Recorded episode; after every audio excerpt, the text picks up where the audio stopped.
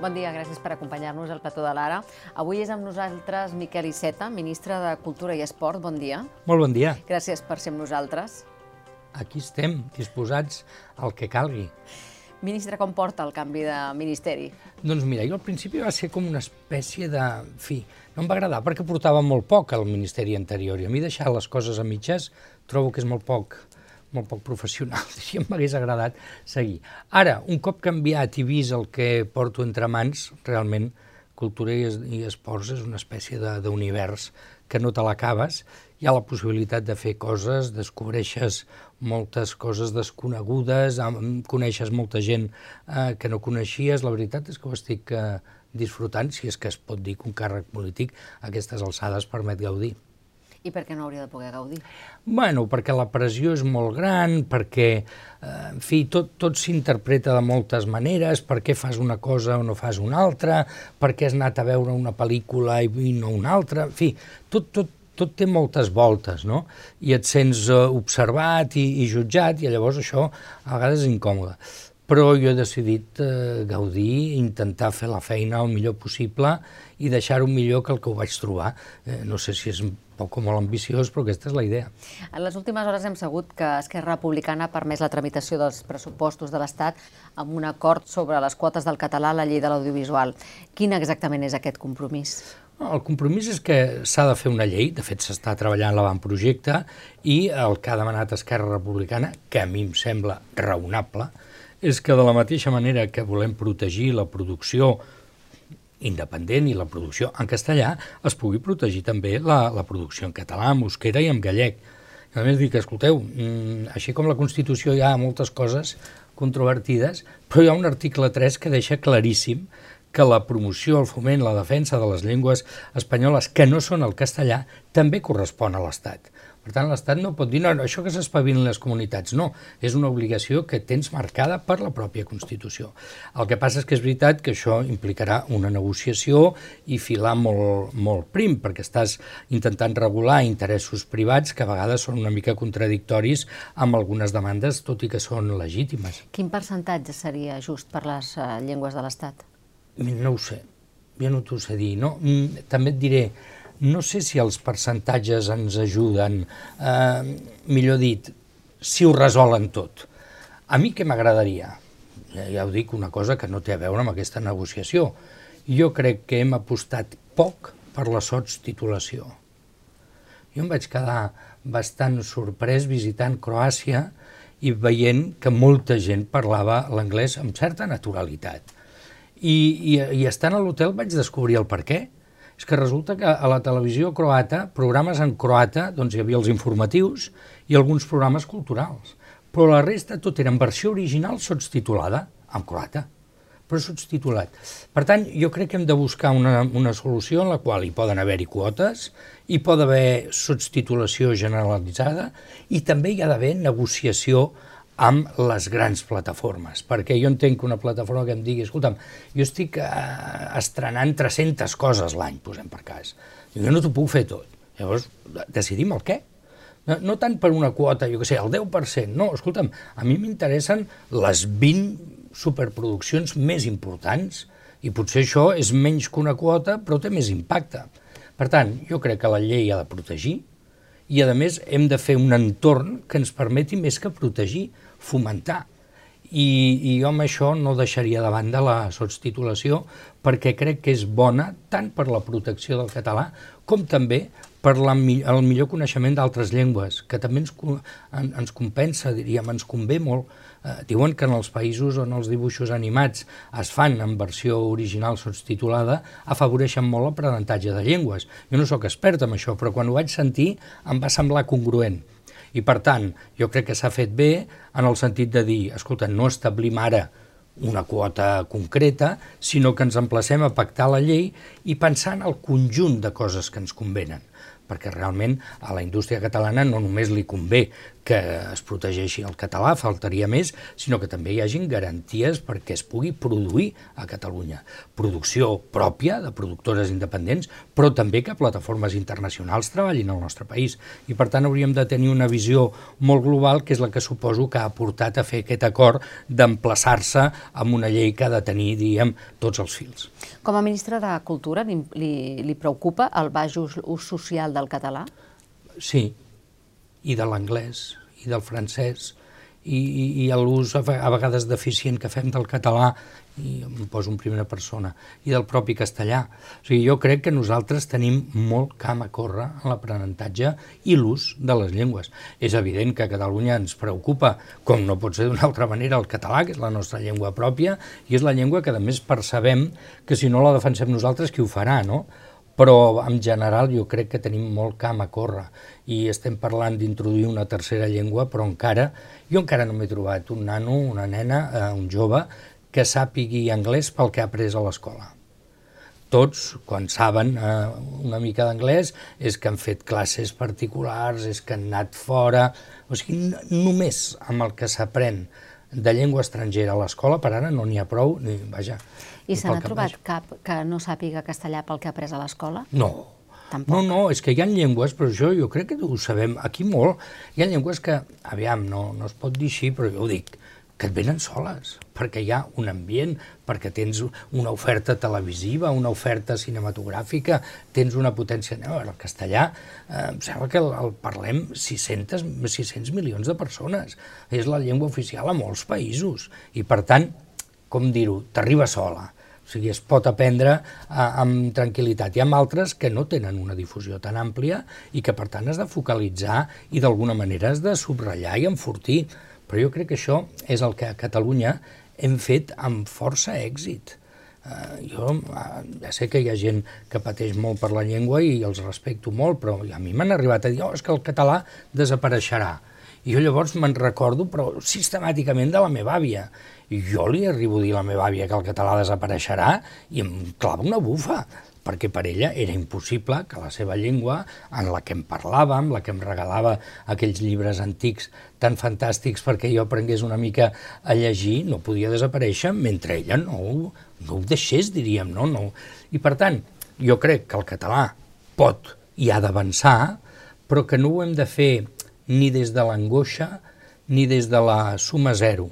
Jo, per exemple, l'altre dia vaig tenir una, una sorpresa molt agradable amb un sopar eh, que em van convidar a darrer moment. Hi havia la Carmen Romero, que feia molts anys que no la veia. I la Carmen Romero vam començar a parlar d'Espanya, de, de les autonomies, de Catalunya, de les llengües, i de cop i volta em va dir oh, és que necessitem, com a mínim totes les que venen del llatí, recordant-nos això, perquè això ens farà més fàcil entendre-les. Ella deia, jo no sé si podrem arribar a que tots els nanos espanyols eh, fagin classes de català, però sí haurem de fer per manera que sàpiguin suficientment d'on ve el català i el castellà, i també el gallec i l'italià i el francès, com perquè tot això els hi soni, i com perquè tot això sigui vist com un patrimoni col·lectiu que val la pena preservar i impulsar i vaig pensar, ostres, doncs m'agrada molt que sigui una reflexió que no ve només perquè a vegades els catalans tenim aquesta sensació i aquesta certesa que a vegades només és la nostra dèria. Doncs no, hi ha gent a la resta d'Espanya que també té aquesta sensibilitat i que li agradaria trobar maneres per, per acostar més. I per tant jo dic, home, com a mínim totes les llengües que venen, les romàniques, totes les que venen del llatí, tenen un tronc comú tan potent que no podem pensar mai en suma zero. És a dir, el que guanyo jo és que ho has de perdre tu. No, que guanyo jo ho guanyem tots. Um, aquest acord és suficient com perquè es voti a favor dels pressupostos? O, eh, o és un acord de bona voluntat? No, jo crec que és un acord, és una llum verda a la tramitació. Parlem tècnicament, és jo no renuncio a fer una esmena de totalitat o de devolució per afavorir que el pressupost es discuteixi però després s'ha d'entrar en el detall i amb les esmenes concretes i per tant eh, jo crec que és un primer pas importantíssim perquè sense aquest no hi pot haver-hi més passes però se n'han de donar més i s'haurà de treballar més com d'altra banda es fa sempre. Els pressupostos, quan un no té majoria assegurada, no té majoria absoluta, ha de fer un esforç de portar el consens a altres partits i això implica una negociació. És veritat que des de fora de Catalunya alguns volen presentar això com una espècie de xantatge o una cosa de... però eh, eh, és senzillament fals. És que quan tu no tens majoria la busques i com la busques? Intentant convèncer l'altre. I per intentar convèncer l'altre has d'acceptar alguns dels seus plantejaments, si no, no hi ha convenciment possible. Un tema important dels pressupostos sempre, òbviament, és l'execució i el primer semestre a Catalunya no passava del 13%. Amb aquest precedent eh, de caràcter històric, perquè s'ha donat molts, molts anys, és molt habitual, quins incentius tenen els partits catalans per donar suport als, als, eh, als comptes? Però a veure, són bons o no són bons els comptes? Perquè a mi al final...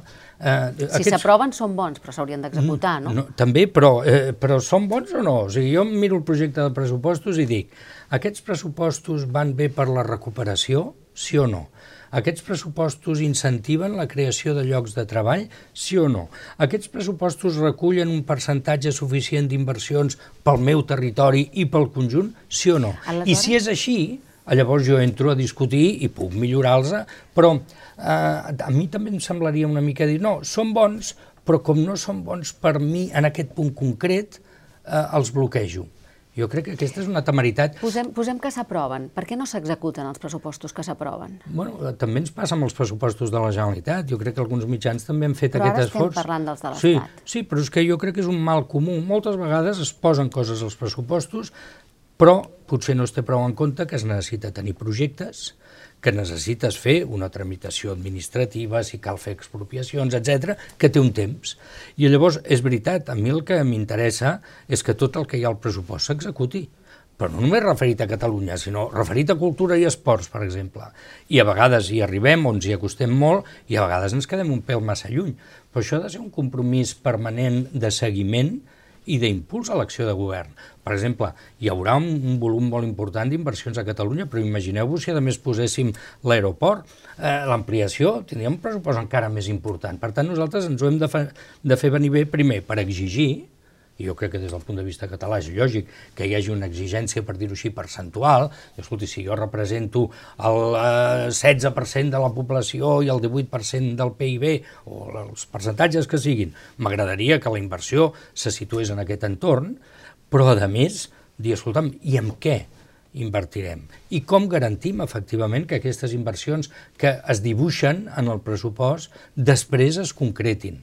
I, i, i encertar molt bé el que, el que es demana, per dir-ho així, perquè jo crec que, que un pressupost a vegades ens pensem que són com una sèrie de peces que, que fan un puzzle, no? Però jo crec que hem de tenir una visió una mica global del país, en aquest cas sigui país Catalunya o Espanya, i pensar en el dibuix sencer.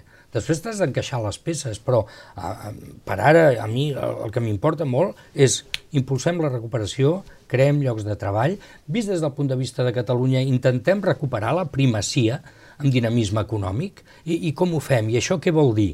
I, i treballar-ho, però amb una idea molt, molt clara.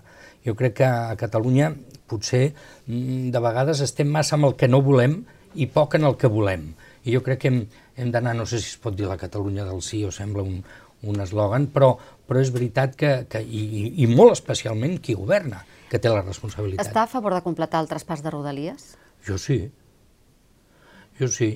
Ara, eh, és veritat que, per exemple, ara hem tingut una vaga perquè hi ha treballadors de Renfe que mm, malfien, pensen que això... Jo sóc partidari de transferir totes aquelles coses que des de la proximitat puguem eh, garantir una millor gestió. Jo no, no tinc cap, cap mena de pega. Eh, escolta, jo em sembla que vaig anar un dia, jo he anat amb un tren francès per Espanya es diu Uigó, i, i aquests, eh, curiosament, encara no pots anar amb trens espanyols a França, perquè els francesos són, són molt seus, diríem, no? Però a mi m'agrada la competència, m'agrada la proximitat, i sobretot en el centre de tota decisió hi ha d'haver la ciutadania. Si en un moment determinat mm, veiéssim que alguna competència està millor en mans de l'Estat que de la Generalitat, o al revés, hauríem de prendre la decisió pel bé del ciutadà, que al final és el destinatari de la política, no, no els governs, no els partits, sinó la gent i la seva qualitat de vida. Respecte a l'estatus polític, també en el centre de tota decisió hi ha d'haver la ciutadania? Sempre, és que hi és. És que portem, a, a mi aquesta cosa de que no decidim, si portem decidint tota la vida. El que passa és que hi ha algú que diu no, és que només vull decidir si marxo o em quedo, ah, que és una visió molt limitativa de les coses. Però al final les majories que hi ha en els parlaments, que són determinants per trobar els acords i per fixar els objectius i els horitzons, sempre surten de la votació ciutadana.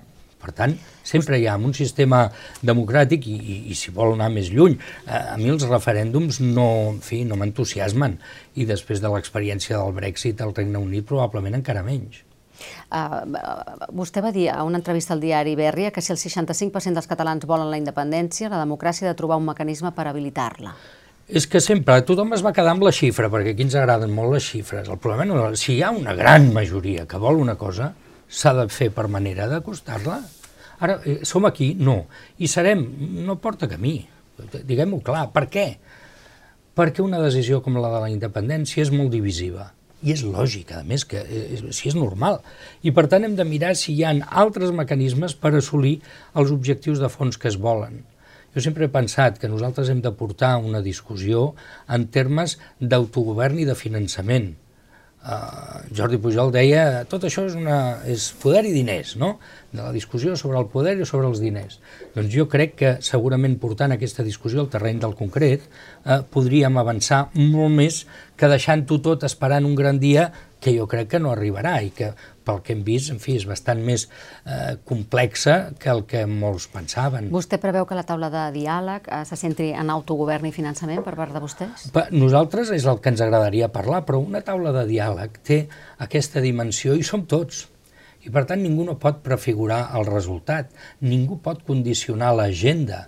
Tothom té dret a, a tenir una posició i defensar-la, però quan decideixes, escolta'm, jo em sec amb l'altra part, perquè reconec que hi ha un problema, reconec la legitimitat de l'interlocutor i comencem a treballar, jo crec que a vegades eh, és que només això ja és un món de diferència eh, i probablement, també ho dic, eh, estem molt millor des d'aquest punt de vista ara que no fa 3, 4 o 5 anys.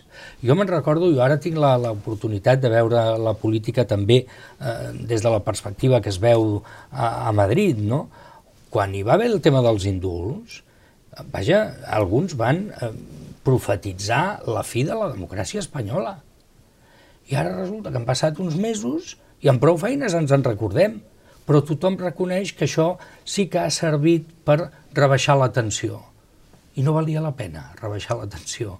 I jo per això m'adreço en aquest cas a, a gent que era contrària i que pensava que això ens portaria no se sap quina eh, de les plagues d'Egipte, i resulta que no perquè la política està feta per resoldre problemes. I a vegades ens hem de fer tots plegats una certa autocrítica de que en comptes de resoldre'n sembla que n'haguem afegit. No ha estat aquest cas. I per tant, tothom ha de... En fi, ens hem d'aproximar a les discussions i els problemes amb una certa humilitat. Ni ho sabem tot, ni tenim tota la raó, ni està escrit al futur. L'hem d'escriure junts. I jo crec que aquesta idea de que l'hem d'escriure junts és molt poderosa en el món en el que vivim, perquè ara, aviam, posem-nos a la pell de, de, de, dels ciutadans en el sentit més ampli de la paraula, no? Què fa por?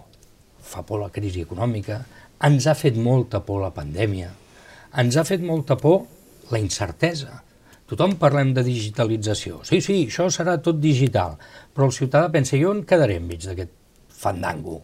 O la transició energètica, doncs tots haurem de, de moure'ns d'una altra manera. I jo m'he trobat aquests que porten els camions per les fires dels pobles i em diuen, no, és que ara em diuen que aquest camió pel qual he hagut d'estalviar molt per poder-me'l comprar, aquest no valdrà, jo què faig?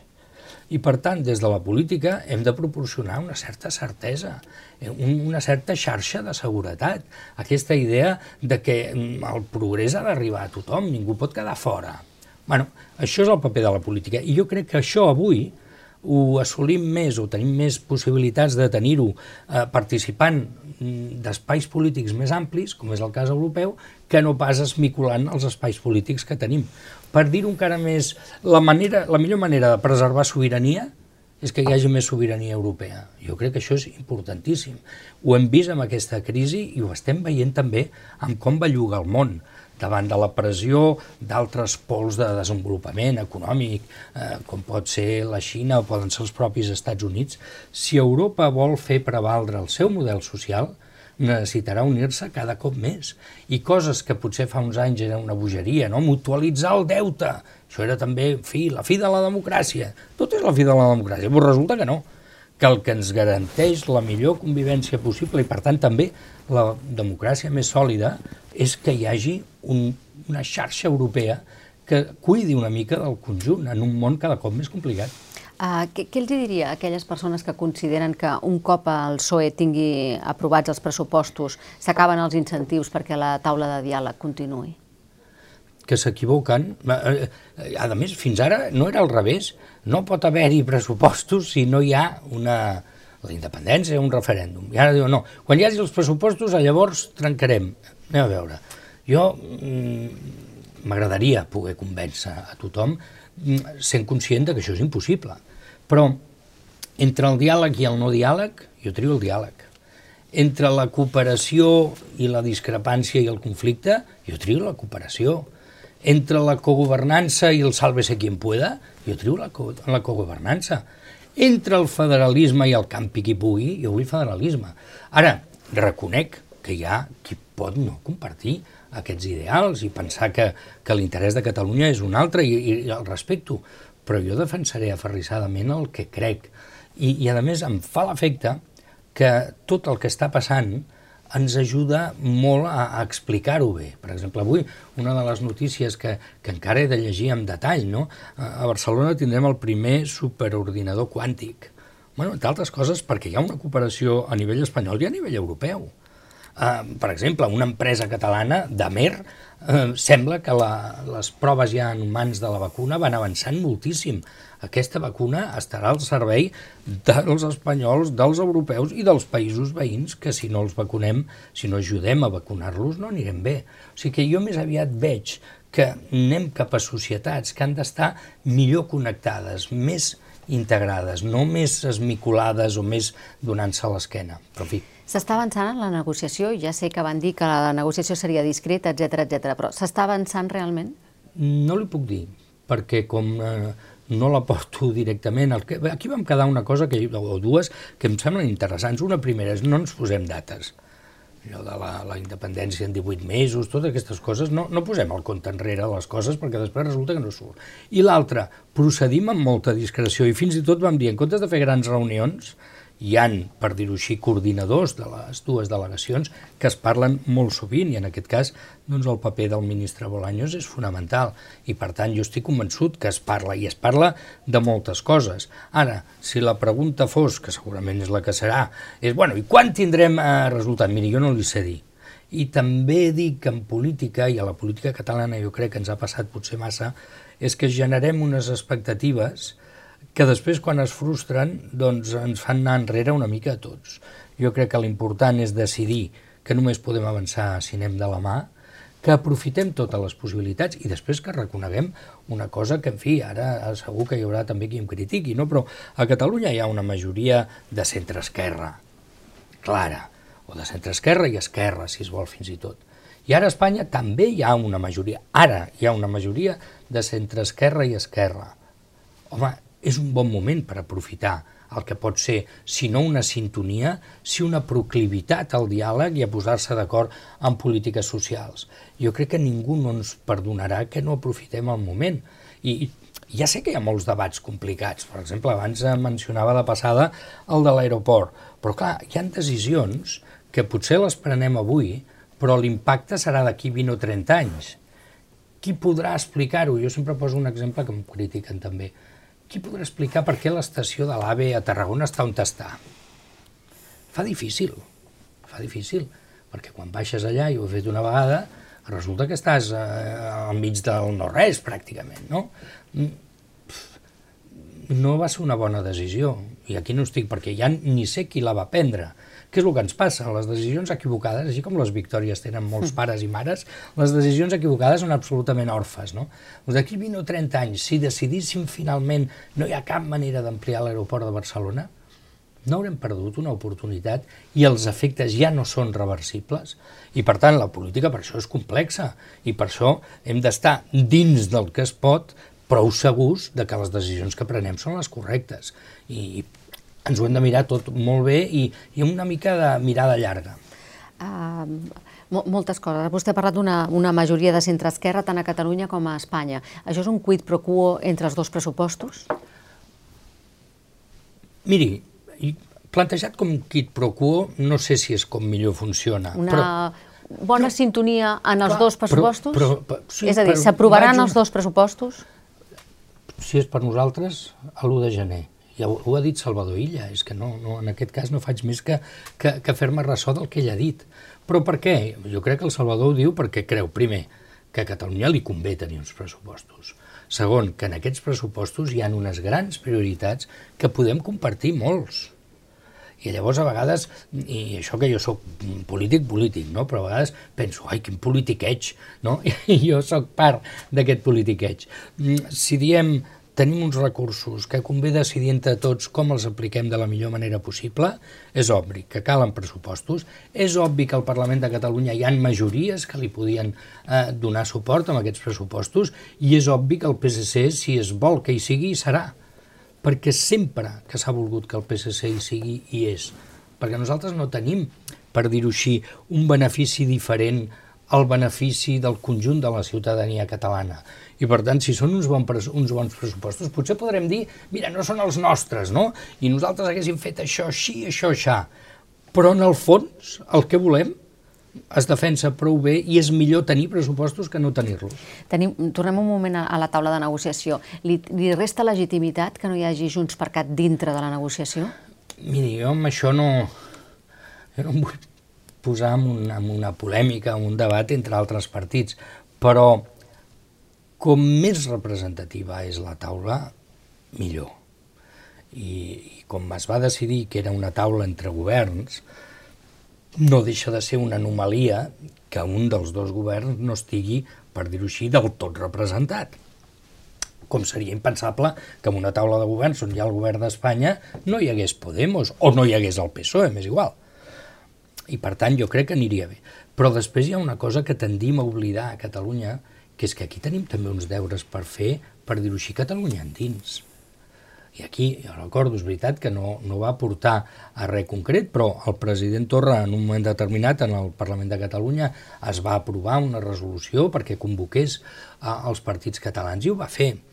Jo crec que convindria, perquè segurament això estuvaria molt les coses i perquè també descobreixes, quan comences a parlar, a, a interlocutar amb altres partits i quan portes la discussió al terreny més concret, hi han més punts de trobada que no pas ho podries pensar abans de començar. No? I per tant jo crec que valdria la pena que aquí també es fes un esforç de diàleg que lògicament no pot ser només entre les forces del govern, que ja es veu que tenen moltes coses a dialogar, sinó també entre el conjunt de forces polítiques. Junts per Catalunya no considera que hi hagués un acord perquè fos una taula entre governs? Jo, jo pensava que sí de, de fet, li diré, jo quan es va començar a parlar de tot això, que ja fa un cert temps, eh, tampoc veia molt clar que fos entre governs, perquè la meva idea és que la taula entre governs és la comissió bilateral que està fixada a l'Estatut i que està servint per desbloquejar determinades transferències. Jo li he de dir que, que estic esperant amb, candeletes a la transferència de les beques, per exemple, que s'està treballant i que jo crec que la podem tenir l'any vinent. Eh, vaja, jo això ho sé perquè quan jo estava al Ministeri... des del 2005, aquesta transferència. Sí, però jo he vist com es... Eh, quan jo vaig ser des de finals de gener ministre de Política Territorial, com hi havia els informes, les possibilitats, hi ha un petit detall, que és que ens hem de posar d'acord amb la quantificació, però la decisió de procedir a la transferència hi és i ara pues, hem de tocar vores, no? I, i, i poso aquesta perquè em sembla molt rellevant, eh, més potser que d'altres, però n'hi ha d'altres possibles. Bueno, tot això es fa a través de la comissió bilateral. Jo, al principi, quan es començava a parlar de taula de diàleg, jo deia, home, si és entre governs, per què no ho fem en el marc de la comissió bilateral? Però llavors va ser Esquerra Republicana que va dir, no, no, no, no, jo vull una taula específica pel diàleg entre governs i que no sigui, per dir-ho així, els mecanismes institucionals que ja estan establerts. Bueno, doncs va ser la seva posició i, i per arribar a un acord li van dir doncs endavant, i és el que s'ha creat. Ara hi ha una part del govern català que creu que això no hauria de ser així o que no està d'acord amb la, diríem, composició que ha decidit el president de la Generalitat. Jo aquí no m'hi posaré, però no, fi, jo crec que aniria molt bé que hi fos tot el govern i, i que fóssim capaços, com li deia, d'avançar també amb un diàleg Catalunya endins, perquè això jo crec que afavoriria molt les coses i resoldria alguns problemes que tenim estrictament Catalunya endins. I es, podria, es pot arribar a una solució, a un acord estable, sense solucionar la situació dels exiliats? Bueno, eh, és que exiliats eh, són aquells que han decidit no compareixer davant de la justícia. Jo crec que haurien de compareixer davant de la justícia. Eh, a la vida un pot trobar a vegades solucions més fàcils o més complexes, però el que seria molt estrany és que pels mateixos fets hi hagi gent que ha comparegut davant de la justícia, ha tingut un judici, una sentència, i exactament pels mateixos fets hi ha qui no. Això ho veig molt difícil de resoldre, diguem-ho clar. Ara, que en aquesta vida mm, estem per resoldre i per tant, si hi ha mecanismes per resoldre's, doncs s'haurien de, de veure, però jo crec que la compareixença davant de la justícia és inevitable i, i si no és molt difícil trobar cap mena de camí. Jo me'n recordo quan vaig començar a parlar dels indults, vamos, me cayó el pulpo, però no només a la resta d'Espanya, no només per part de catalans que no veien la possibilitat, diríem, de trobar aquesta reconciliació, sinó que molts independentistes també m'ho retreien, que si això era vergonyant, que si no sé... Bueno, aquestes paraules... Aquí, amb l'adjectiu, no ens quedem mai curts, sempre la, la fem grossa, no? I després jo miro, mira, escolta'm, potser pagues la penyora per, per parlar abans d'hora, diríem, no? per avançar-te en els temps, però sens dubte això ha contribuït, no dic ja a resoldre, però a, a distensionar. Jo crec que això només ja valia la pena. I de la mateixa manera que aleshores va parlar de l'exili, del que podia, ah, perdó, dels indults i del que podia solucionar, destensionar, etc etc. Eh, creu que en aquest moment caldria solucionar la situació d'aquestes persones que estan a l'exterior i que la justícia europea no està en la mateixa línia que la justícia espanyola. Anem això és un fet. Això és un fet. És que jo, jo sempre dic que, i ho posaven en els vells manuals de, de periodisme, no? distingir la, la informació de l'opinió. Aquí és obvi, i alguns ho hem dit des de sempre, que hi ha alguns problemes de, de diríem, de similitud o manca de similitud entre el nostre ordenament i el d'altres països europeus. I això ens ho estan dient jutges de diversos països. Ara, de la mateixa manera que a mi quan em van preguntar per l'amnistia vaig dir amnistia no, indult sí, i em van dir que no, però ara uns quants anys després em sembla que hi ha hagut indults i que no hi ha hagut amnistia, jo ara no m'atreviria a formular un suggeriment pel tema de la gent que senzillament ha decidit no compareixer davant de la justícia, no el sé veure. Ara, el fet que no el sàpigui veure jo no vol dir que, ni que no existeixi ni que algun dia no es pugui trobar, però jo avui no m'atreviria a fer un pronunciament en el mateix sentit de fórmula concreta. La de l'indult és que la vaig veure claríssima i des del primer dia. I jo crec que tot i que pugui entendre que hi hagi gent que no ho comparteixi, alguns, per dir-ho així, per poc i altres per massa, però al final jo crec que ens ha portat a tots en una situació millor i per tant val la pena. Això vol dir que és perfecte, jo és que la perfecció, jo ja sé que hi ha gent que es comporten, em sembla que ara s'utilitza l'expressió ésser de llum, no? Hi ha, hi ha certs de llum que ho tenen tot clar, que són fantàstics i purs i magnífics i perfectes. Mm, jo renuncio a la perfecció. Ara no renuncio a la millora, no renuncio a l'esforç permanent de trobar solucions. I per tant, en aquesta vida tot s'ha de poder parlar i tot ho hem de poder veure. Però jo estic molt content de que el govern espanyol hagi pres la decisió que va prendre. A més, em va...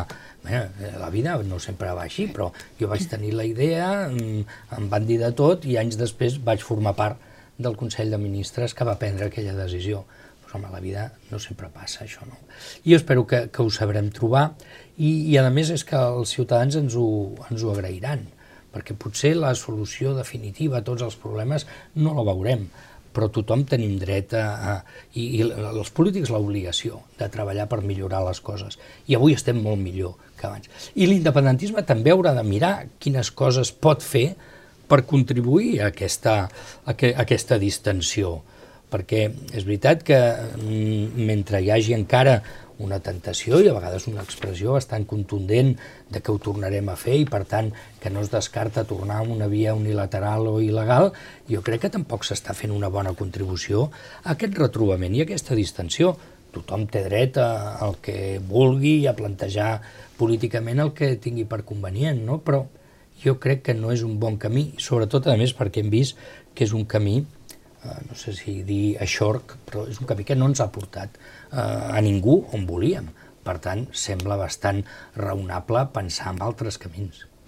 El, el camí és la reforma constitucional eh, que liderarà o que, que estudiarà, com a mínim, el ministre Félix Bolaños? Podria ser, però també aquí ens hem de dir tots les veritats. Jo sóc partidari d'una reforma constitucional que digui Espanya és un estat federal. Punt. Ara, jo he de dir la veritat. I he de dir que en aquests moments a Espanya no hi ha una majoria que pugui sustentar una reforma d'aquestes característiques. A ah, llavors, tenim dret a encastellar-nos amb una possibilitat que en aquests moments no està al nostre abast o hem de ser una mica més pragmàtics i possibilistes? Jo sóc d'aquesta vessant i, per tant, jo sempre dic reforma constitucional demà mateix. Però demà mateix no tenim la majoria per fer-la. I també eh, hem de reconèixer eh, l'independentisme, que avui és en el Parlament de Catalunya majoritari, no està per això. I al final dius, escolta, tu vols una reforma que només la vols tu. No, això m'ho han dit alguna vegada, he pensat, pues, no deixen de tenir raó, i per tant jo seguiré defensant eh, una, de tant en quant dic, escolta, jo és que faig fer un llibre sobre això, jo per canviar d'opinió ara han de passar moltes coses, perquè jo tinc el meu llibre, però he de reconèixer que no tinc ni força suficient en el conjunt d'Espanya, ni força suficient des de Catalunya per promoure-ho. I per tant, mentrestant, haurem de fer altres coses. El que no tenim dret és, com la meva solució ideal no és factible, doncs jo no faig res. Faig cara de pomes agres i ja, ja em vindran a buscar. No, anem entre tots a trobar.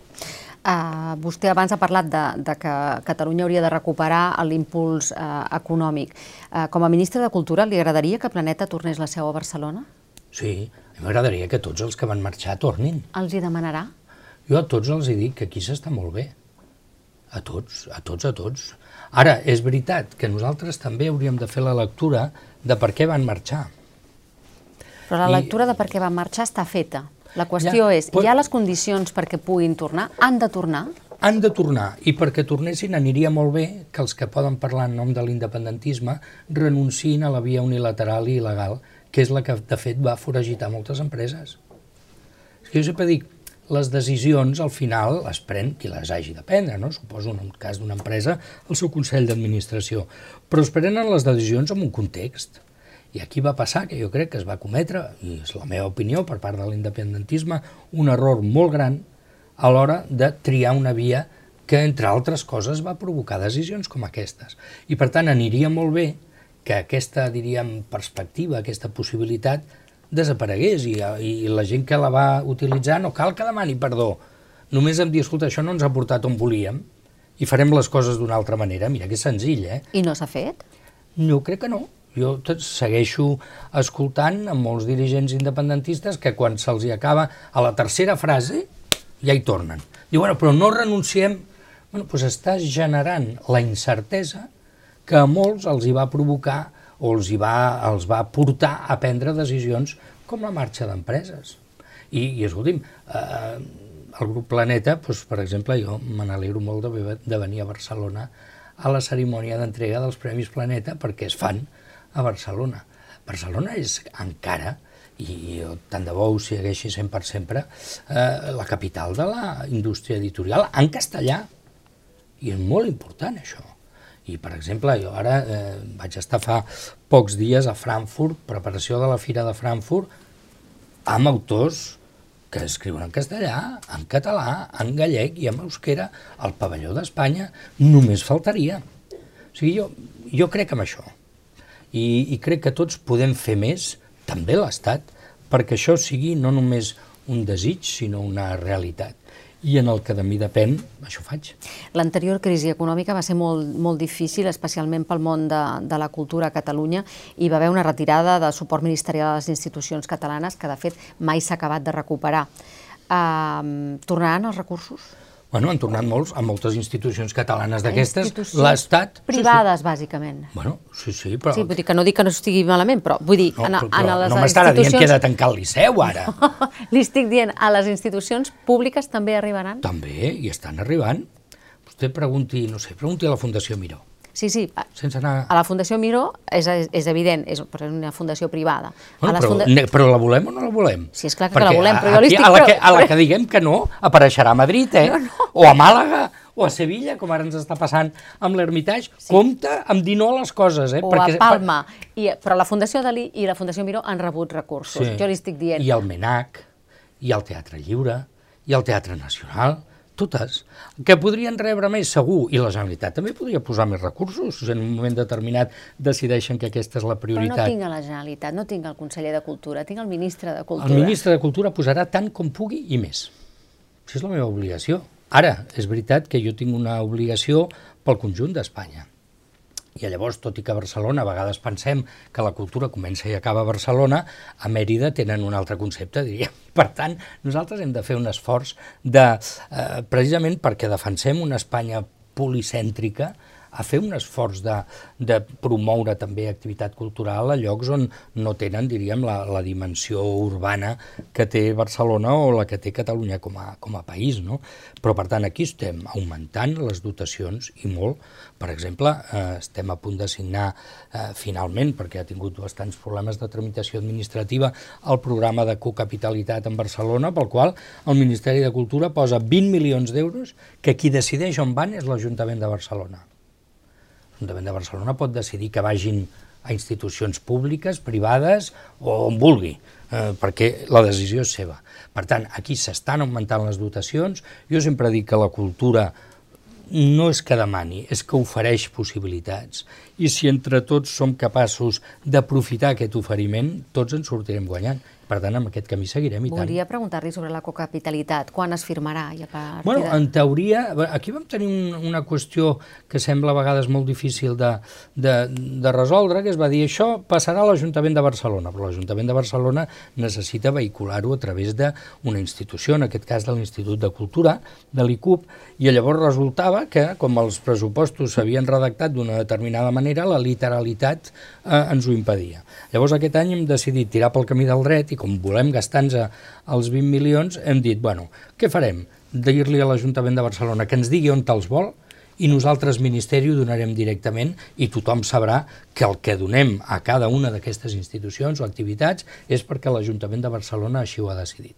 De cara als pressupostos de l'any vinent ja ho farem de tal manera que no haguem de patir eh, l'angoixa que hem tingut aquest any de trobar l'instrument eh, administratiu operatiu per fer-ho possible.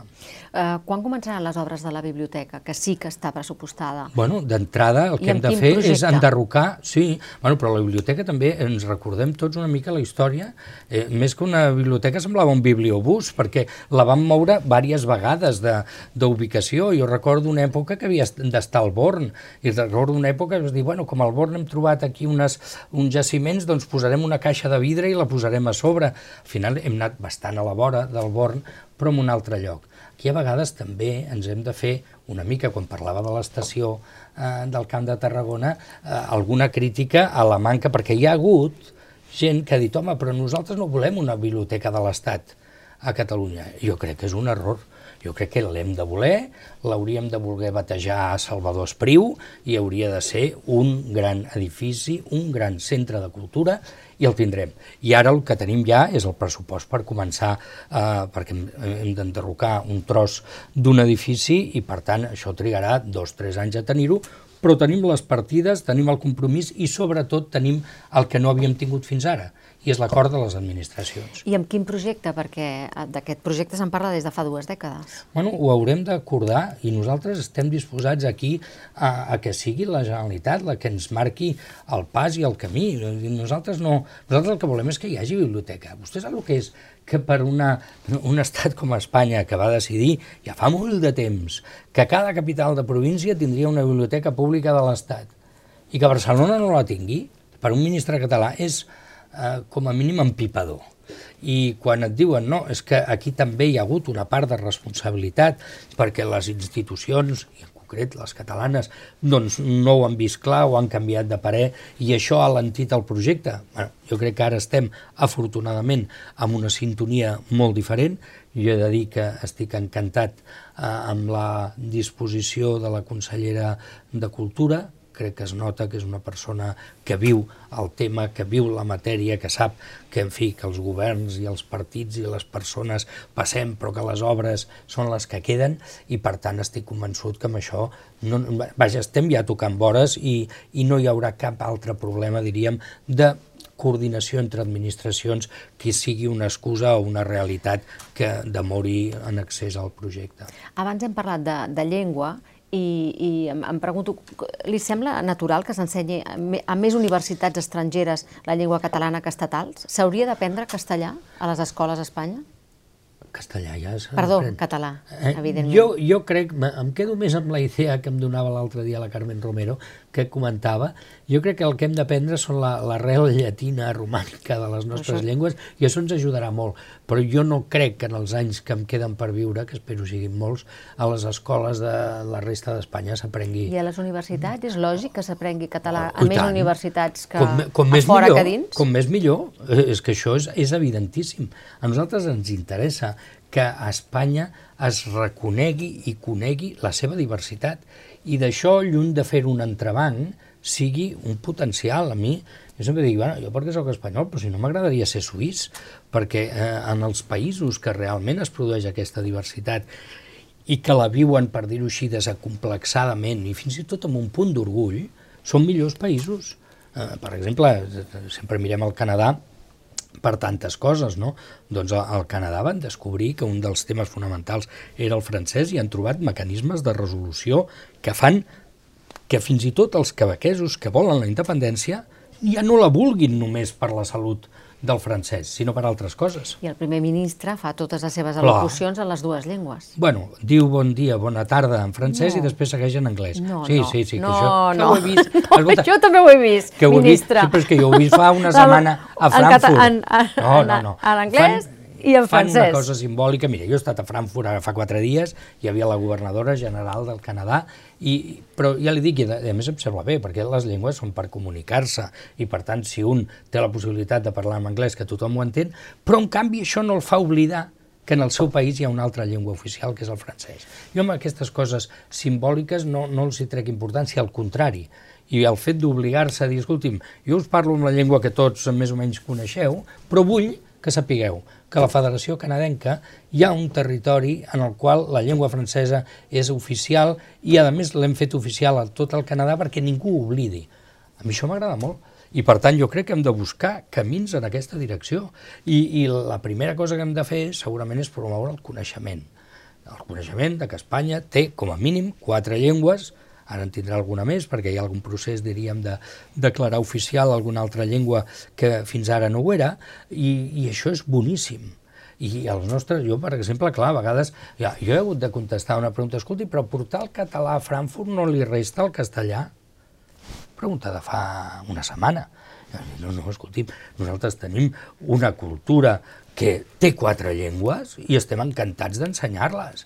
I no és un problema de pesos, de, de, de mides, no? sinó de dir-ho. I per tant, doncs anaves allà i trobaves la Carmele, la Najat, l'Alvira Lindo, amb una taula explicant-se i explicant les seves realitats. I això no afableix Espanya, li dona més força, la fa més interessant. I aquesta és una pedagogia que hem de fer en el conjunt d'Espanya, però que també l'hem de tenir a Catalunya el darrer cop, quan Catalunya va anar a Frankfurt, la gran polèmica és si podien anar escriptors que no escrivissin en català. En canvi, ara que li ha tocat a Espanya, aquest dubte no l'hem tingut, hem anat amb totes les llengües, que és com hem d'anar. Uh, ministre, la llei de mecenatge diu que és una de les seves prioritats o és una gran prioritat. A França es redueix fins al 60% l'impost de societats i a Espanya del 30 al 40. Quin és el seu objectiu? Bueno, el meu objectiu és fer-la l'any vinent, però també he de dir eh, tenim pendent a Espanya una cosa que, en fi, que no és eh, senzilla, que és una reforma fiscal general. Llavors, estem ja treballant amb la ministra d'Hisenda i la ministra d'Hisenda diu, home, eh, intentem posar sobre la taula els criteris de la reforma fiscal global i llavors serà més fàcil encaixar-hi el mecenatge. Per tant, per mi és important, jo, però és important per un motiu que no sé si eh, en fi, som prou conscients. És a dir, a la cultura no li arriben prous diners públics perquè hi ha altres prioritats, perquè sempre... I per tant la, la cultura, com requereix de determinats suports, eh, ens convé afavorir que el món privat inverteixi en cultura. I si això requereix afavorir el tractament fiscal d'aquest tipus d'aportacions, fem-ho. Això és el motiu de la llei de mecenatge.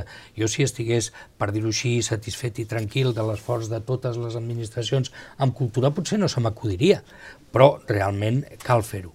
Ara, és lògic insertar-ho amb una reforma fiscal general que encara està molt verda, diguem-ho tot. Per tant, a partir de l'any vinent. Sí, sí i, i si trobem primer l'encaix aquest, perquè clar, jo, jo també ho entenc, Mira que jo ja porto dos ministeris, però no crec que arribi mai a, al d'Hisenda perquè és una feina bastant ben complicada, perquè el ministre, a la ministra, en aquest cas, a la Maria Jesús Montero, tothom li demanem i ella sempre diu, jo he de quadrar els números, a mi al final, si va més cap aquí o cap allà, el que no puc és fer el miracle dels pans i els peixos. I això ens passa una mica amb el mecenatge. Ella diu, jo puc reduir pressió fiscal si això es compensa d'una altra manera, si no m'heu de dir quina despesa de la cara es fa, no, no puc fer-la. No? I, i, per I sortirà tant, perdent cultura? Crec que no. Miri, aquest, aquest any, enguany, l'aportació de cultura és la que ha experimentat un creixement més fort. Si no recordo mal, malament, és el 38,4%. Però devia, devia venir d'un nivell molt baix. No, no, no va, home... Per la crisi. No, no només per la crisi. O sigui, jo crec que és veritat que, que a vegades som molt de tocar i tocar, no? I sempre es diu, per això jo faig aquest combat, diu, cultura demana, i no, cultura no demana res, cultura ofereix i llavors hem de ser capaços d'aprofitar bé l'oferiment, no? Però és veritat que moltes coses passen per davant potser perquè són més tangibles. També és veritat que una de les raons d'aquest increment és que hem introduït aquesta modalitat del bo cultural pels joves. Només això són 210 milions d'euros en el pressupost d'aquest any. Per tant, hi ha hagut un increment, però bona part d'aquest increment ve per aquí. I després a Espanya, a Catalunya ens passa exactament igual, tenim un dèficit de cura del patrimoni molt gran. I ara m'agrada molt i dir que, que Espanya, però podríem dir també de Catalunya, és una espècie de museu a cel obert. Si haguéssim de protegir, que ho hauríem de fer, tot el que és patrimoni històric, cultural, arquitectònic, és que no ens ho acabem. I, i, i per tant, hem de fer esforços d'aportació suplementària. I, per tant, han de millorar els pressupostos públics i, per tant, hem d'afavorir també l'arribada de fons privats. Senyor Iseta, el Ministeri és patró del MENAC i, i està pendent el tema de Sixena. Si la decisió eh, fos desfavorable i obligués a traslladar a les pintures medievals del Museu Nacional a un espai que actualment no tindria les condicions idònies, amb el risc que comportaria, què farem? Nosaltres acatar les resolucions judicials. I traslladar les obres? Home, si la resolució judicial així ho estableix. Vaja, jo, en fi, a Catalunya ja hem tingut alguns exemples de no acatament de resolució judicial que han acabat com el Rosari de l'Aurora, jo no ho recomanaria. Hem d'esperar i després, és veritat, les administracions hem de fer per manera que qualsevol decisió que s'ha d'acatar no es tradueixi en un deteriorament del bé que es vol protegir. Per tant, s'ha de fer en condicions, però partint de la base de que la resolució judicial s'ha d'acatar. Per tant, dubte. posaria les condicions, l'acatarien i posarien les condicions perquè bueno, les obres no es deterioressin? Eh, hem, de fer com, hem de veure com es fa, però el que no, el que no m'agradaria viure és en un país que no hi hagués ni separació de poders, ni acatament de la llei, ni de les resolucions judicials. Hi ha països d'aquests, eh, molts en el món, a mi no m'agradaria viure cap d'ells i per tant hem de dir hi ha resolucions judicials que poden agradar més o menys, fins i tot pots considerar que no són justes, però s'han d'acatar i els poders públics que precisament ens devem a que hi ha un estat de dret i a que hi ha unes institucions i unes eleccions, doncs som els primers obligats a complir. I ho hem de fer sempre en condicions i sempre confiant que la resolució judicial ens permetrà garantir en tot moment els béns i ja veurem quina serà, però en tot cas jo segur que ja li avanço, jo la cataré. Vostè també és ministre d'Esports. Uh, un dels temes uh, clau en aquest moment, en el tema de, en el món esportiu, és que uh, hi ha d'haver un decret abans del 30 de novembre, que és quan vens l'actual aval de la Junta de la Porta, per saber què passa amb aquests avals que, que obliguen el president a avalar amb 117 milions segons l'actual la, llei de l'esport. Uh, I els estatuts del Barça i els estatuts del Barça. No, no, ho dic perquè és que hi ha coses, hi ha, hi ha clubs que no tenen aquests avals o que no tenen aquest volum d'avals. Nosaltres estem treballant per trobar una solució. Però vull dir que a vegades, eh, no, això és que Madrid ha decidit... No, no, no, aquí hi ha un tema que és veritat, la situació dels clubs esportius no és la mateixa ara que fa dos anys. Hi ha hagut una pandèmia. Jo crec que en atenció a aquesta realitat serem capaços de trobar una fórmula que no escanyi innecessàriament, en aquest cas no al club, sinó a la seva junta directiva. Recordem perquè el, en aquest cas només hi ha quatre, em sembla, clubs a Espanya que són realment clubs de socis, que no són estrictament que no són estrictament empreses. Em sembla que són el Barça, és el Madrid, és l'Ossassuna i l'Atlètic de Bilbao.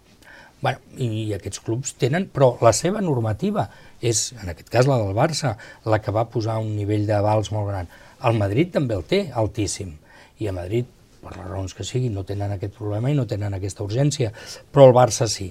I nosaltres, com volem que el futbol sigui, eh, estigui sanejat econòmicament, trobarem una solució de la mateixa manera que veiem amb molt bons ulls l'ampliació de l'espai Barça. Quina és la solució que vostè veuria raonable?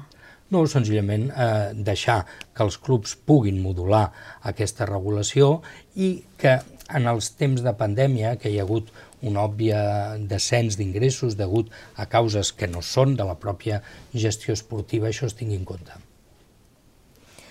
Uh, uh, és optimista respecte a les possibilitats de la candidatura de, de Barcelona-Pirineus? No ho sé, però la volem o no? Jo, la, Li pregunto a vostè, jo vostè la, vull, la vol? Jo totalment, totalment. I em consta que la gent de, del Pirineu també. I la gent de l'Aragó? La gent de l'Aragó encara més. M'atreviria a dir, sí, sí. Aquí tenim ara dos, dos dubtes i hem de ser molt sincers. Uh, L'Ajuntament de Barcelona, d'on va néixer la idea?